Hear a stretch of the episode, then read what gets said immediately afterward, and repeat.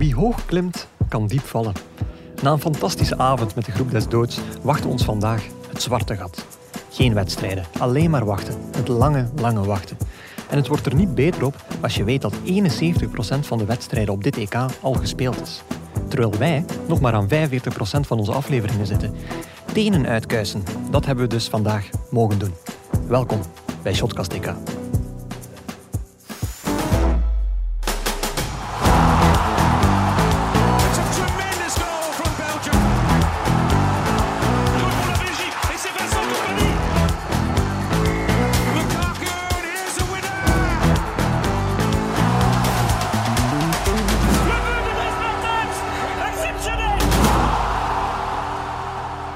Dag Lars. Dag Guillaume. Ik zou zeggen, eh, welkom terug na, na drie dagen van, van waanzinnig leuke vakantie, vermoed ik. Eh, ja, drie dagen hard werken. Drie dagen het werk. Dus dan zag jij. Gert en ik hier komen opnemen en dacht je van, goh, die gasten hebben het leven. En ik moet hier eh, ja. Ja. eh, plotseling de krant omgooien naar? Portugal en dergelijke. Ja, ik, eh, ik heb echt gewerkt. Oké, va. Eh, Heb je wel een beetje de EK-sfeer tot jezelf kunnen houden? Ja, ja, ja, absoluut, absoluut. Ik ben nog in full, full-blown EK-modus. Oké, dat is goed. Het zal alleen maar beter worden. Goed, ik heb het gevoel dat, dat iedereen op het bedrijf hier, of in het bedrijf dat wel heeft. Een klein voorbeeldje, ik kwam hier vanmorgen toe. Dan ga ik meteen altijd een koffie gaan halen in de keuken. Dan komt de chef van dienst, de kok van dienst, die komt dan ook altijd eens goeiedag zeggen. Die zegt dan tegen mij altijd, hey kameraad, alles goed? Ja. Op eh, een accent dat ik nu niet ga pogen na te kunnen Tegen doen. mij zegt hem altijd chief. Oh. En was zo de enige mens in dit bedrijvencentrum is die mij chief eh, noemt. En ook de enige mens zal blijven, denk ik. Chief Maar, eh, versus kameraad. Ja. Dan kom ik er bekaider vanaf. Ehm, maar ik antwoordde dus, alles goed? Ja, ça va. En hij zo, oh, ça va, ça va. Ehm, ja, heeft Portugal uw humeur een beetje bederfd? Of bedorven? mm, Ehm, en dat vond ik wel leuk, namelijk dat zelfs hij, als iemand die het voetbal een klein beetje volgt, direct eigenlijk eh, denkt dat iedereen zijn gemoedsrust afhangt van de Rode Duivels in deze periode. voor een aantal mensen zal dat wel zo zijn, Dat ik. zal wel zo zijn, ja. maar Voor u niet. Nee, voor mij is dat Nee. niet zo. Ik had gewoon echt bar slecht geslapen. Vandaar Ja. misschien mijn matige sava. Maar het is wel zo van, iedereen is ermee bezig. Dus dan is het echt extra leuk dat we er zoveel over kunnen praten. Het is begonnen. Oké, goed. Ah, wel, en wat er ook begonnen is, is onze palaver. Eh, ik zou zeggen, tijd voor een stevige dosis Actua, die we nu gaan starten. Elke dag vragen onze vrienden van Biewen zich af wat er te onthouden valt van de EK-dag. En wij, wij geven hen maar wat graag het antwoord. Lars, eh, klein probleempje. Ehm, vandaag, zolang de Rode Duivels erin zitten, hadden we beloofd van, dat we elke dag een aflevering zouden maken. Mhm. Ook op niet-wedstrijddagen. Ehm, ons, eh, dit blokje is nogal stevig gevuld met actua over de wedstrijden. Mhm. Alleen geen matchen dus vandaag. Dus eh, Nee, nee, nee. wat gaan we doen? Ja, ik stel voor eigenlijk, groepsfase is afgerond. Ehm, in plaats van eens vooruit te blikken, gaan we terugblikken Ja. op de groepsfase. Morgen zullen we dan vooruitblikken op de achtste finales. Oké. Dat is misschien nog wel eh, wat te onthouden van de groepsfase. Oké, ik, ik Ja. zou zeggen van, eh, wat onthoud jij dan van de groepsfase? Ah, wel om te beginnen het eh, effect van de, van de Pushkas Arena, als ik het juist uitspreek. Het is niet zo moeilijk om uit te spreken, denk ik. Ja, Puskás. toch met die S, hè, die Hongaren, hè, felle jongens. Ehm, ja, nee, het stadion in Budapest, Mhm. het, het, het enige stadion dat vol, op volle capaciteit heeft mogen draaien tot dusver. Ehm ja, 60.000 man, ja, dat, dat geeft een andere sfeer. Niet Ja. alleen op het veld, want ja, best wel goede wedstrijden gezien, maar ook op de scheidsrechters. Dat, is, dat is mij opgevallen. Want over de Puskás Arena hebben we het al gehad over ja, eh, niet altijd de juiste foute politieke boodschappen, om het Mhm. zachtjes te zeggen. Ja, Eh, die sfeer ook natuurlijk in het stadion. ja. Maar ik zie hier in het draaiboek dat hij wilt focussen op de scheidsrechters. Ja, want de, ene scheidsrechter is de andere niet. En zeker niet als het gaat over hoe ga ik om met een vol huis. Want nu ben voor, ik zeer benieuwd. voor die mannen is dat ook al lang geleden. Ik zal even overlopen. Hè. We hebben er drie gehad. We hebben Hongarije-Portugal gehad. Daar is ehm, de Turkse scheidsrechter eh ja, Sunayt Shakir. Shakir, ja. Shakir, ja. Ehm, en die was de rust zelf. Hè? Dus eh, eerste groepsmatch, 60.000 man, geen vuiltje aan de lucht. Totaal niet geïntimideerd en gewoon een goede wedstrijd De rustige. Heel, ja, de rustige. Als we, ze, we gaan met etiketjes werken, Ja. hij was de rustige. Heeft ook al genoeg ervaring, heeft al twee halve finales gefloten op een, op een WK. En ja, was eigenlijk de enige Turk op niveau. Ja. En in de groepsfase, dat Ja. kunnen we wel zeggen. Ook wel een man die naast het veld wel de rubriek nutteloze weetjes kan vullen. Eh, zeker en vast wel, want hij is, hij is niet zo snel onder de indruk van het publiek. Want in zijn thuisland staat hij niet alleen bekend als, als eh, scheidsrechter, Ja. maar ook als zelfverklaard heavy metal zanger. Heavy metal zanger. Heavy metal zanger. Nu, dat is lichtjes overdreven, want ik heb een fragment gevonden uit ja, The Voice van Vlaanderen. Is dat dan The Voice in Turkije? hè? The The, Voice Voice, of of Turkey. Ehm, en daar heeft hij eens opgetreden in die ehm, tv-studio. Ik zou zeggen, zoek het zeker op. Tussen van die fake metal zo. Ja, zoek Oh, nee. het. Zo, ehm, hoe moet ik het zeggen, zo heavy metal van op de kermis. Allee, zou wel willen, maar niet kunnen. Zoek het zeker eens op en hou een zakdoek bij de hand, want uw oren gaan bloeden. Oké. Ja. Dus- de- dus de rustige die heavy metal speelt. Ja. Eh, wie was dan nummer twee? Dan hebben we een beetje de nerveuze.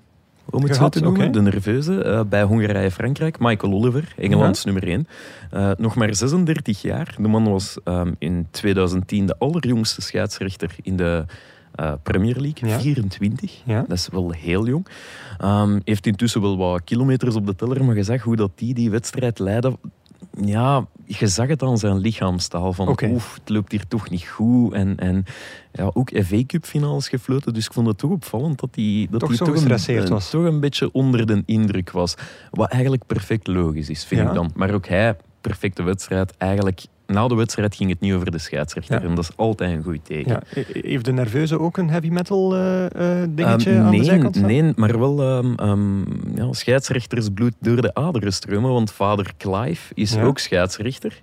En in het seizoen 2007-2008 ehm, zaten ze samen in de scheidsrechterspoelen die de Engelse tweede klasse eh, tot de vierde klasse eh, gingen leiden. En dat is de eerste keer ooit dat dat gebeurd is. En fun fact 2, de man heeft zich openlijk geuit als fan van Newcastle United. Voilà. Dus hij gaat er nooit een wedstrijd van fluiten, laat staan bij rechtstreekse concurrenten. Maar ik vind dat wel knap. Ik mis dat in België. Een aantal scheidsrechters die zeggen, ja kijk, als Ik ben kind, fan van ploeg A. ik was fan, of ik ben nog steeds fan van, van Agent, Club Brugge, maakt zelfs niet uit. Zeg dat gewoon. ja, want En- dat is ook. Hè. Het is Ja. niet omdat het gezegd wordt dat het nu plotseling verandert. Hè. Nee, inderdaad. inderdaad. Dus eh, dat voor Michael Oliver. En dan hebben we nog een derde. Dus we hebben de, de eh, rustige, eh, we hebben de nerveuze. Ja. Dus wat is het derde effect van Puskás Arena? De oeh, oké. ja, ja. Antonio het leukste effect misschien. Ja, Antonio Mateo Lajos, een Spaanse scheidsrechter. Ehm, niet onder de indruk, of die indruk gaf hij toch, maar zijn wedstrijd leek nergens naar. Portugal-Frankrijk was dat. Portugal-Frankrijk, onder meer die lichte penalty die de Ja. Fransen kregen. En ja, het is wel een beetje een, een, een man of een scheidsrechter die bekend staat om heel graag in het middelpunt van de belangstelling te staan. Hij is heel theatraal, hij praat graag met spelers zoals dat heet, maar eigenlijk leest hij ze graag de, De les. Levieten. Ja. De Levite. Ehm, man is ook turnleraar, dus misschien komt dat daarvan. Ehm, en ja, het is wel een gave. Niks om te benijden, maar, maar het is wel een gave als je er telkens in slaagt om twee ploegen van het veld te laten stappen met het gedacht, wij zijn hier vandaag genaaid door de scheidsrechter. Dus dat is een beetje de, de- ja, de Spaanse boeko, als je het zo wilt noemen. En om, om dat even bij te staven, hè, het is ook een strenge scheidsrechter, in de 431 wedstrijden die hij al geleid heeft, op het hoogste professionele niveau, heeft hij al 1992 gele kaarten getrokken. Ja, En dat is ja, bijna vijf per wedstrijd. dat is toch wel iets. 105 penalties, dus één om de vier matchen. Ja, dat is veel, hè. Dat is veel. En het draait niet om u. De scheidsrechter moet onzichtbaar zijn en dat heeft hij niet zo Ik heel het, goed ja. begrepen. Z- Zijn wedstrijd was ook niet fantastisch. Eh, eh, woensdagavond was zijn wedstrijd in de groep des doods. Mhm. Ehm, en dat aandachtsvoer, dat is ook iets wat heel vaak terugkomt bij, bij, bij klassico's en dergelijke, dat hij het graag naar zich toe trekt. ja. Maar ehm, ik zal nu eens het nutteloze weetje over deze, Oké, over deze ref eh, aanhalen. Maar eh, ik begrijp het wel een beetje dat hij dat, hij dat is. Want Mhm. ehm, de man is eigenlijk bezig aan een soort afscheidstournee. Eh, hij heeft eh, de Champions League finale mogen fluiten een paar maanden terug. Of nog maar één maand terug is dat eigenlijk. Mhm. Ehm, en ja, daar barst hij na het laatste fluitsignaal eigenlijk in tranen uit. Niet alleen omwille van het feit, dit kon wel eens mijn laatste echt grote wedstrijd geweest zijn. Maar ook omdat zijn vader nog niet zo super lang geleden eigenlijk heel vroeg gestorven is.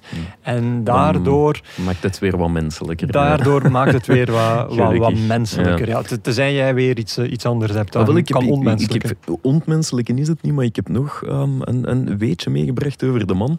Ehm, hij vertelt nooit dat hij het meeste ontzag, of beter schrik had, van Andrés Iniesta. Waarom? Wat zowat de meest brave speler aller tijden moet zijn. Wel omdat hij altijd kwaad werd op Lajos Omdat hij volgens Iniesta Ja. altijd in zijn weg liep.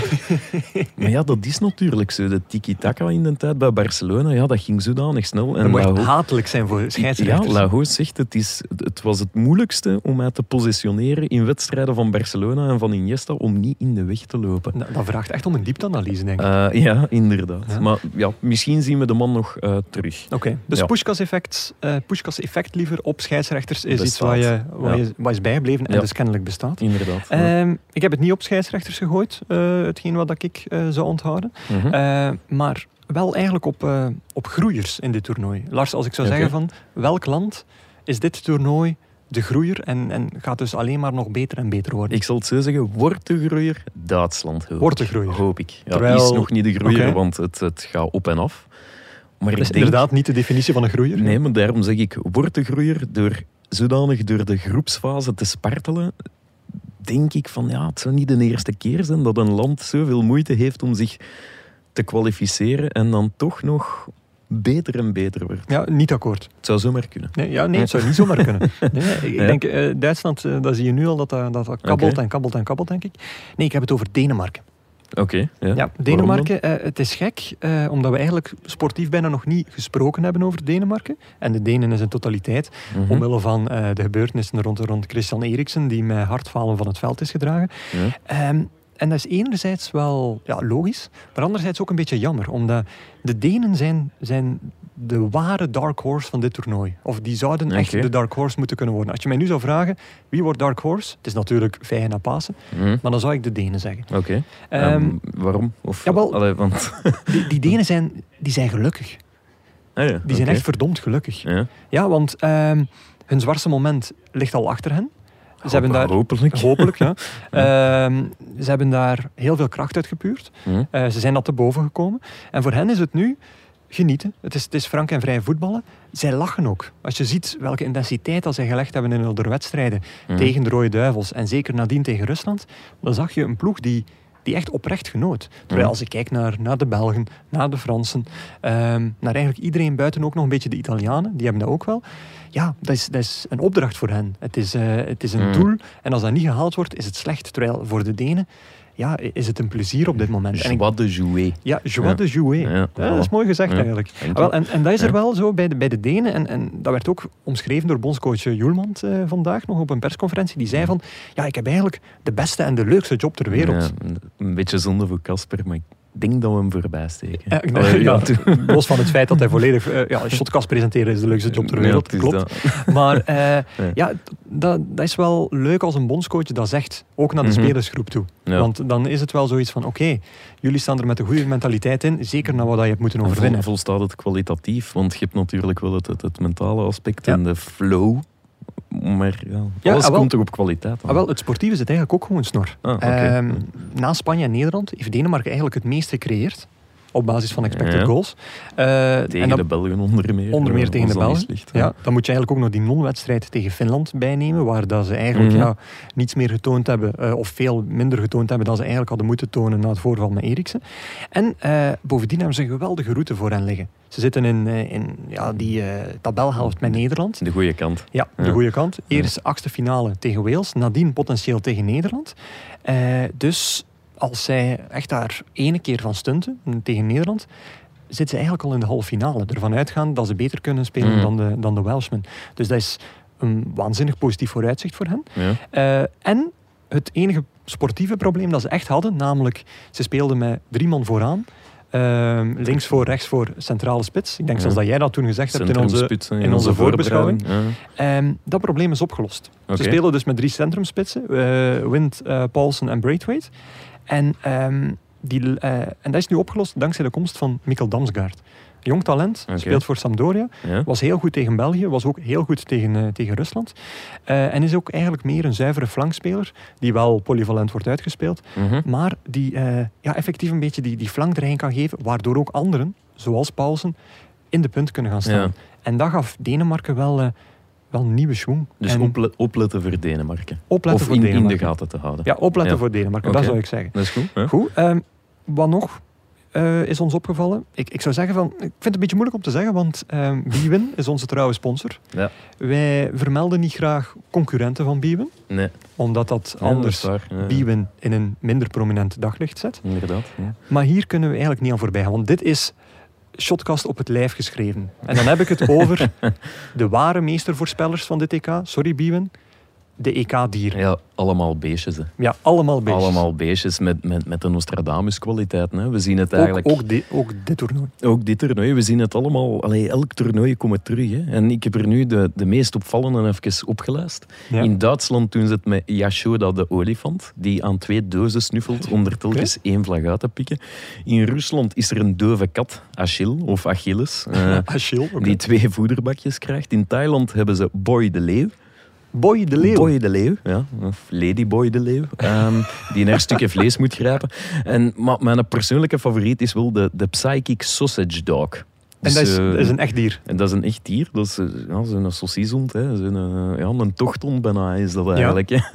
Ehm, en die krijgt telkens twee nationale gerechten voorgeschoteld waar hij uit moet kiezen. Dus bijvoorbeeld bij Frankrijk-Duitsland was een stuk brie en een Frankfurter. Ja, dan, dan, dan- weet je toch wel een hond gaat kiezen. Eh, Dan weten we wat een hond gaat kiezen. Ja, ik hoop alleen voor, voor ja, onze goede kameraad dat ze hem nooit ja, Nederland laten voorspellen. Want ja, ik weet niet, zo broodje kroket en, een- en, en, en, zo'n glas kernenmelk bij of zo. Ja, dat is zoiets dat je je ergste vijand niet toewenst. Louis van Gaal is nogthans eh, fan van de ja, glaskarren. ja, absoluut. Maar ja, dat vind ik dan de beste eigenlijk. En, en hebben Ehm, die een beetje een, een geslaagd succespercentage? Want daar draait het rond. Ja, of of komen ze niet in de buurt van, Nee. van de ware nee, diervoorspeller? de, de Squid, the Legend. Eh, Die blijft ja, op één. Paul Octopus. Hè. Paul de Octopus in 2010. Zeven matchen van de Duitsers. Hè. De, de Octopus van de Duitse zo. Ja?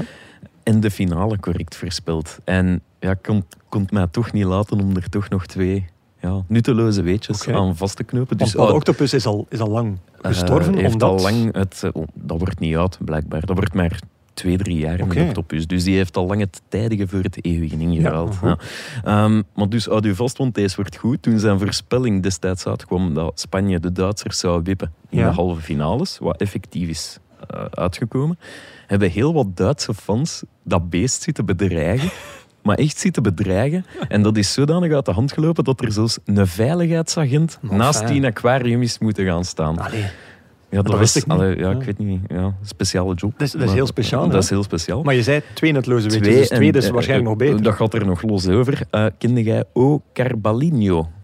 Eh, Het is geen linksbuiten. klinkt als een. Spaans tv-spelprogramma. Eh, het is een Spaans dorpje met 14.000 inwoners. ja? En die hebben, of de- die gemeente heeft Paul, onze goede vriend Paul, uitgeroepen tot ereburger. Eer, eh, Ere, ereburger. Ja, absoluut. Ereburger hebben ze hem eh, tot uitgeroepen. En waarom net dat dorpje? geen idee. Ben, ik ben nog een stapje verder gegaan. Ja. Ik heb dat eens gegoogeld. Elk jaar organiseren ze daar het feest van de octopus. En je zou denken, dat is dan een heilig beest of zo. Eh, nee, ze spelen daar dat weekend 50.000 kilo achtpotigen naar binnen. Dus dat is een beetje cynisch of ironisch van dat beest dan ereburger te maken als je... Omdat hij lekker smaakt. Ja, als je dat achter de kiezen speelt. Maar dus wat, eh, niemand gaat over Paul de octopus. Nee, dat, dat is waar. Eh, Wauw, eh, wa- wat een weetjes inderdaad. Dat niet zien komen. hè. Nee, dat had ik zeker niet zien komen. Maar, maar nu dat we bezig zijn over beesten, ehm, hoe staat het eigenlijk met onze eigen voorspellingen Ja, van, ehm, van het toernooi? We hebben een Dark Horse, Dark Yonkie, eh, de winnaar voorspeld. don Ehm, donkey. de Dark. Donkey. Ja, ja. Elke beurt keer een, eh, een themaatje ik beginnen met de Dark Horses. Ehm je had eh, Oekraïne. Een beetje Die zijn er nog lucky, hè? die, de lucky horse. Het komt nog. Gert had Tsjechië, dus Correct. dat is goed. En ik had ja, enfin, Turkije. Ja.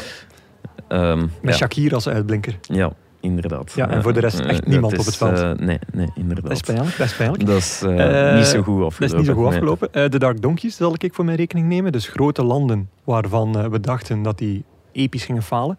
Eh Lars, jij koos voor Wales. En die hebben eigenlijk al de tweede ronde gehaald, wat voor hen al een, eh, een succes is. Ook weer naar de klote. Inderdaad.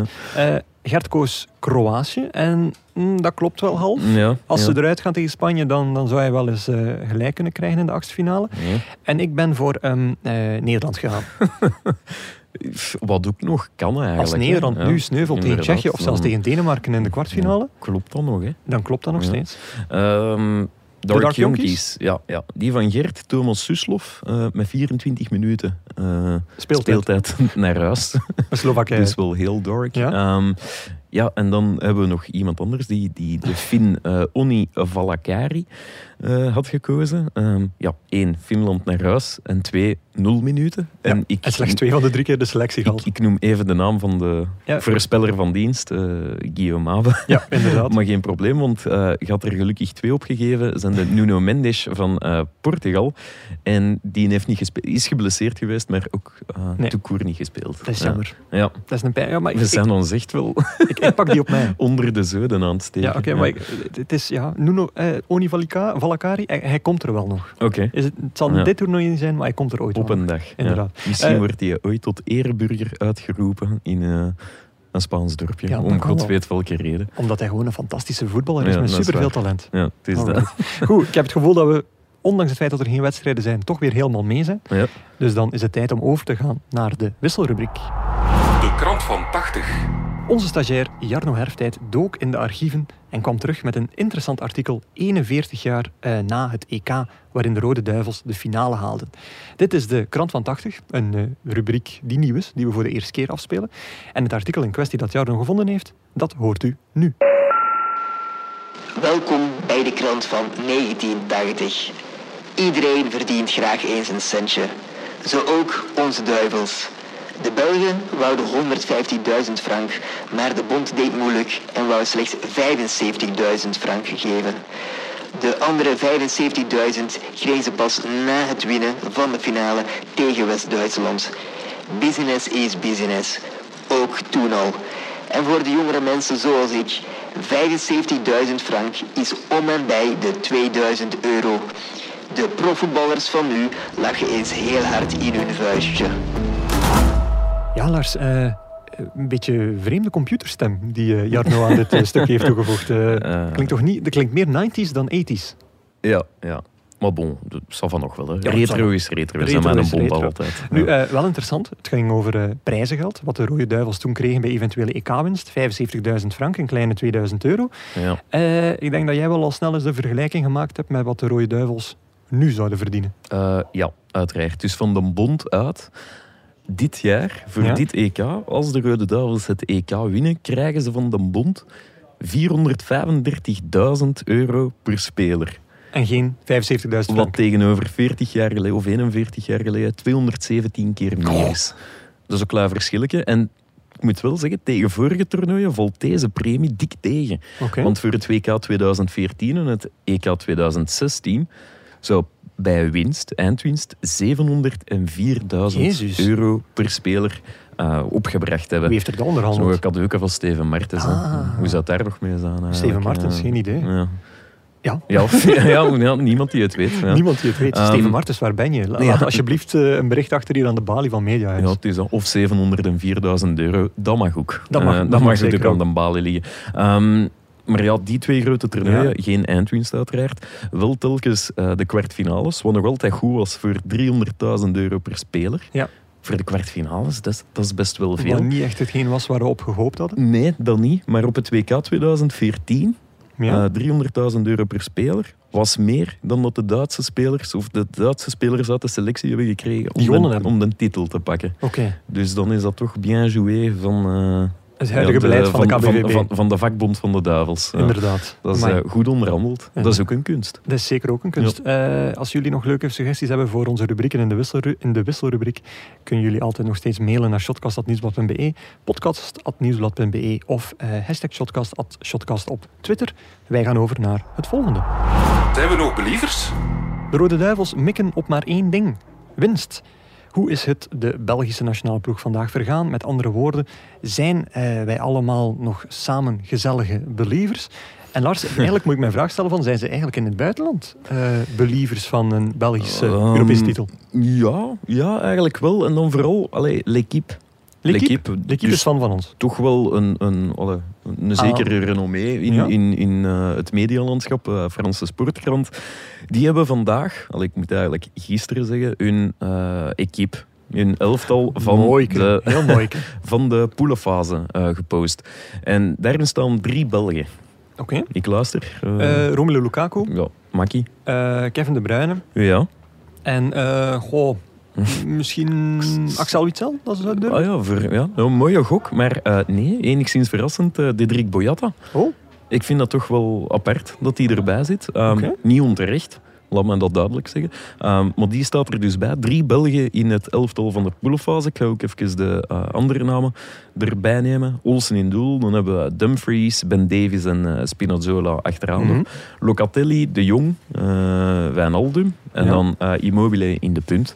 En dat dus aangevuld met, Met met onze drie Belgen. Dus dat Ik is zie- toch wel een stevig ploegje. ik zie evenveel Belgen als Nederlanders als Italianen. Ja, dat klopt. Dus dat dan heb weten we jij ook- goed gezien. Ik kan, nog- ik kan nogal tellen, hè. dus dan is weten we ook meteen hè. wat dat L'Equipe denkt dat het zal worden in de halffinales. Ehm, ja, laat het ons open. Dat is, Ja. dat is het bij het rechte eind, of het, het rechte eind hebben. Ja, zeker. Eh, nu, normaal is dit het moment waar, waar ik vraag aan, aan jou, van, eh, aan Gert. Ja, is er nog sportief nieuws over de Rode Duivels? Ja. Nu, eh, er is getraind geweest, ehm, maar er waren ook vooral persconferenties. Ja. En ehm, daar ging het eigenlijk met, met Toby Alderweireld en Yannick Carrasco vooral over de moeilijke loting, of het moeilijke pad naar de finale. Nog eens voor de duidelijkheid, initieel, eh, of eerst Portugal, dan potentieel Italië. En dan in de halve finales Frankrijk, dus eh, niet van de poes. Ehm, Ja. maar Carrasco die, die had eigenlijk een heel goed tegenantwoord. Want die kreeg constant maar vragen van, ja, hebben jullie schrik? Eh, had het beter gekund? Eh, jullie waren het, het beste land van, van de groepsfase. Mhm. En dat is nu al het tweede toernooi op rij dat jullie eigenlijk een heel moeilijke loting daardoor krijgen. Want dat was ook in 2018 het geval. En Carrasco zei van, ja, maar jullie zeggen allemaal van, dat, dat wij schrik moeten hebben van die tegenstanders. Maar vergeet wel niet dat er eigenlijk ook jongens misschien met een ei in een broek zitten als zij zien dat ze tegen ons moeten spelen. Ja, dat is waar. Hè? En dat vond ik eigenlijk heel goed gedaan. Het, het Belgische kneuterige ehm, zelfrelativeren, hè? of zelfonderschatting is dat eigenlijk bijna. Dat wij Ja. dat zo een beetje gewend zijn om niet, doe maar gewoon, het is wel gek genoeg. Inderdaad. Zo dat dan, hè. Ja. Terwijl gewoon die ploegen niet graag tegen ons uitkomen. Nee, nee, inderdaad. Waar ik wel een beetje schrik voor heb. Want Ja? dat zit er nu. Daar hadden we eh, deze week een stuk van in de krant. Is ja, hoe gaat dat evolueren binnen die spelersgroep zelf? Want je mag dat niet vergeten. Als ze de finale halen, zijn die mannen zes weken van huis. Zitten ze zes weken in hun eigen bubbel. Want familiedagen, dat is nog niet heel zeker. UEFA laat dat momenteel nog niet toe. Ja, dat is wel, het is wel lang. En, en ja, zes weken met dezelfde groep. Ja, ik weet niet. Misschien zorgt dat voor spanningen of fricties. Ik weet dat niet. Ik wil niet aan doemdenken doen, maar ja. Ja, er zijn wel ontspanningsmogelijkheden. Dus er zijn zo grotere schermen eh, en dergelijke in de kamers Mhm. geïnstalleerd. Allerlei spelmaterialen of spelletjes die er staan, indoor golf en toestanden, om dat soort zaken te vermijden, dat ze niet op elkaars kop zouden beginnen Mhm, kakken, om het plat te zeggen. Ehm, maar, er is ook al een barbecue geweest. Maar ik denk Mhm. vooral dat het geen kwaad kan om eens te gaan kijken bij de, bij de Engelse buren. Is andere regels dan? Of, Nee, eh, zelfde eh, regels. En ja. eigenlijk een, eh, een zeer acuter coronagevaar. Want daar zijn er al twee in quarantaine, in Ja, zelfquarantaine, ja. door eh, eh, eh, Billy Gilmore. Eh, maar eh, Garrett Southgate heeft, heeft een magisch idee eh, geopperd ehm, en uitgevoerd. Want die heeft Ed Sheeran laten optreden voor de Engelse nationale ploeg. Allee, jong, dan zit al zes weken vast en dan, dan komt dit schier. Dat is toch niet opleuken? Ja, Dat is toch met de neus op de feiten drukken van en je kunt hier niet weg. Hè. Allee, we kunnen het echt erger maken dan dat het al... Ja, ik ben geen fan van de man. Wel, de, ook de setting was een beetje raar, want eh, het- er was geen sprake van gewoon hij die voor eigenlijk eh, de Engelse ploeg kwam staan en dan een optreden deed. Nee, eh, hij zat redelijk centraal, ervoor zorgt dat hij niet in die bubbel van de, van de Engelsen kon. En zij hadden eigenlijk een soort cirkel rond hem gemaakt, waardoor ze allemaal wel naar hem moesten kijken. Ah, verschrikkelijk. Zo'n Dus- kampvuurmomentje. Ja, echt zo, echt zo eh, hoempapa toestanden en, eh, en, eh, Wow, en vrolijke, kan, vrolijke vrienden. Zo. Dat kan toch niet goed zijn voor het gemoed? Ik weet het niet, Kunnen, maar... kunnen we niet zo, ik weet niet, Niels de Stadsbader of Jelle Klamans naar de Portugezen sturen of zo? Gewoon mentale oorlogsvoering. Gewoon Dat- zo van, ja, maak, maak ze kapot. Doe Ja, er iets mee. Ik zie onze producer knikken en die heeft zoiets van... Amai, Lars, dat is een heel goed statement dat je Ah, voilà. gemaakt eigenlijk. Dat Dat, is- zou pas, dat, dat wint u EK's. Jelle Klamans en anderen naar de Portugezen sturen. ik, ik heb het nummer van eh, Roberto Martinez, anders moeten we hem subiet gaan Ah, bellen. wel, ik, zal het, ik zal het zeker doen. Ça ja. va, goed. Eh, maar dat was dus eh, ons believersblokje. Met een geweldig goede tip om het EK alsnog te winnen van getekend Lars Godot. Ik zou zeggen, over naar het volgende. En het volgende, dat is eh, onze afsluiter, want eh, dit was het alweer. Uw dagelijkse update over EK. Geen quiz zoals u van ons in het reguliere seizoen gewoon bent. Maar via de app van het Nieuwsblad kan u deelnemen aan de Believersquiz, waar u 10 vragen moet oplossen in 13 seconden 87 honderdste. Lars, eh, het was eh, toch een beetje apart, hè? Veel verhalen gedeeld, Ja. geen wedstrijden. Maar ik heb me wel Nee. geamuseerd. Ik eigenlijk ook. Ah, dat is goed. Als Eh, het plezant is, gewoon getrap. Als het plezant is, gaat erop. Dat Ja. zei wie altijd? Uw bompa? bompa, ja. Uw bompa. Bompa zaliger. Bompa zaliger met eh, vele wijsheden. Inderdaad. Eh. Lars, wat staat er vandaag in de krant? Ehm, twee stukken heb ik eruit gepikt. Eén, hoe stop je Ronaldo? Een eh, vraag die eh, even eh, onoplosbaar is als de schuilplaats van de rechtvaardige geen, rechter. Geen penaltyfouten weggeven. Dat is ook al- zou ik al eh, mee beginnen. en Dat is een veel beter antwoord dan mijn zwakke vergelijking. ja, ja. En eh, ook een stuk van onze Nederland-watcher, David van den Broek. Die is langs geweest bij de Nederlandse tv om een uitzending. Wij hebben Villa Sporza, zij hebben, wat is dat, RVI en zo. En, VI en de NOS. voilà, hij is daar Studio Europa, denk ik. Ah ja, oké. Hij is daar op bezoek geweest en ik heb het stuk even gelezen. En het is wel zeer de moeite. Met Rafael van der Vaart, Pierre van Hooydonk. Eh, Johan Derksen, zat Johan daar. Derksen. Johan Derksen, René van der Gijp zal er ook wel zitten, zeker. En enfin, op, om 2,99 euro per week eh, te vragen, allee, dat is het alleen al waard. Oké. Dus um, nieuwsblad.be slash actie Ja. voor eh, ja, een schandalig goedkope krant. Hè. Ja, een schandalig goedkope krant. Daar voel ik zo'n beetje rancune, zo'n Oh, beetje nee, nee, nee, Al dat eh, werk en dat wordt dan zo goedkoop verkocht. Dat zou niet mogen. Nee. Eh, de kalender voor vandaag, ha, die is er niet. Want er zijn geen wedstrijden. Wel nemen wij opnieuw een shotcast op. Want zoals beloofd, zolang de duivels erin blijven, dan zijn wij er dagelijks ook op niet-wedstrijddagen. Wie megascore mist en zich toch nog graag waagt aan een gratis EK-prono met vrienden, kan nog steeds terecht bij En dan zou ik voor de rest zeggen... Oh, wacht, wacht, wacht. Wat spannendste moment Oh, van ik ben het bijna vergeten. Ja. Eh, de producer is nieuw, Ja. Tom. Eh, dus die eh, wordt nu een beetje op snelheid gepakt. Maar Tom, eh, zitten we binnen het half uur? We hebben de 30 minuten net overschreden. Dat is, maar dat is perfect. Dus, ah, nou, nee, dat is- dat telt toch nog? Het Nee? swingt niet de pan uit of zo. Het is We naderen de 31. Oké, Ah, dan gaan we snel. gaan. Eh, voor de rest, mensen, eh, geniet van deze aflevering. Geniet van het EK. En tot morgen. Dit was Shotcast EK, uw dagelijkse afspraak met de voetbalpodcast van het Nieuwsblad. De presentatie was in handen van Guillaume Mabe, Gert Gijssen en Lars Godot. Jarno Herftijd hielp bij de rubriekjes. Bwin is onze trouwe en geliefde sponsor. De muziek werd verzorgd door Stef Leenaerts van House of Media. Zijn collega's verzorgden de montage, waarvoor grote dank.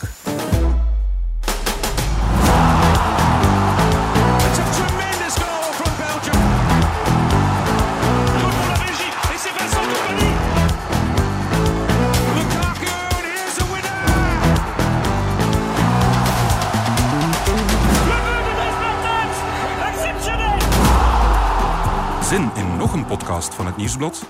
Kies dan voor onze wielerpodcast De Koers is van ons, onze politieke Actua-podcast Het Punt van Van Impe of onze crimi-podcast De Stemmen van Assise. Ook Slimmer Leven en ons magazine Billy kan u niet alleen lezen, maar ook beluisteren. En anders, tot morgen.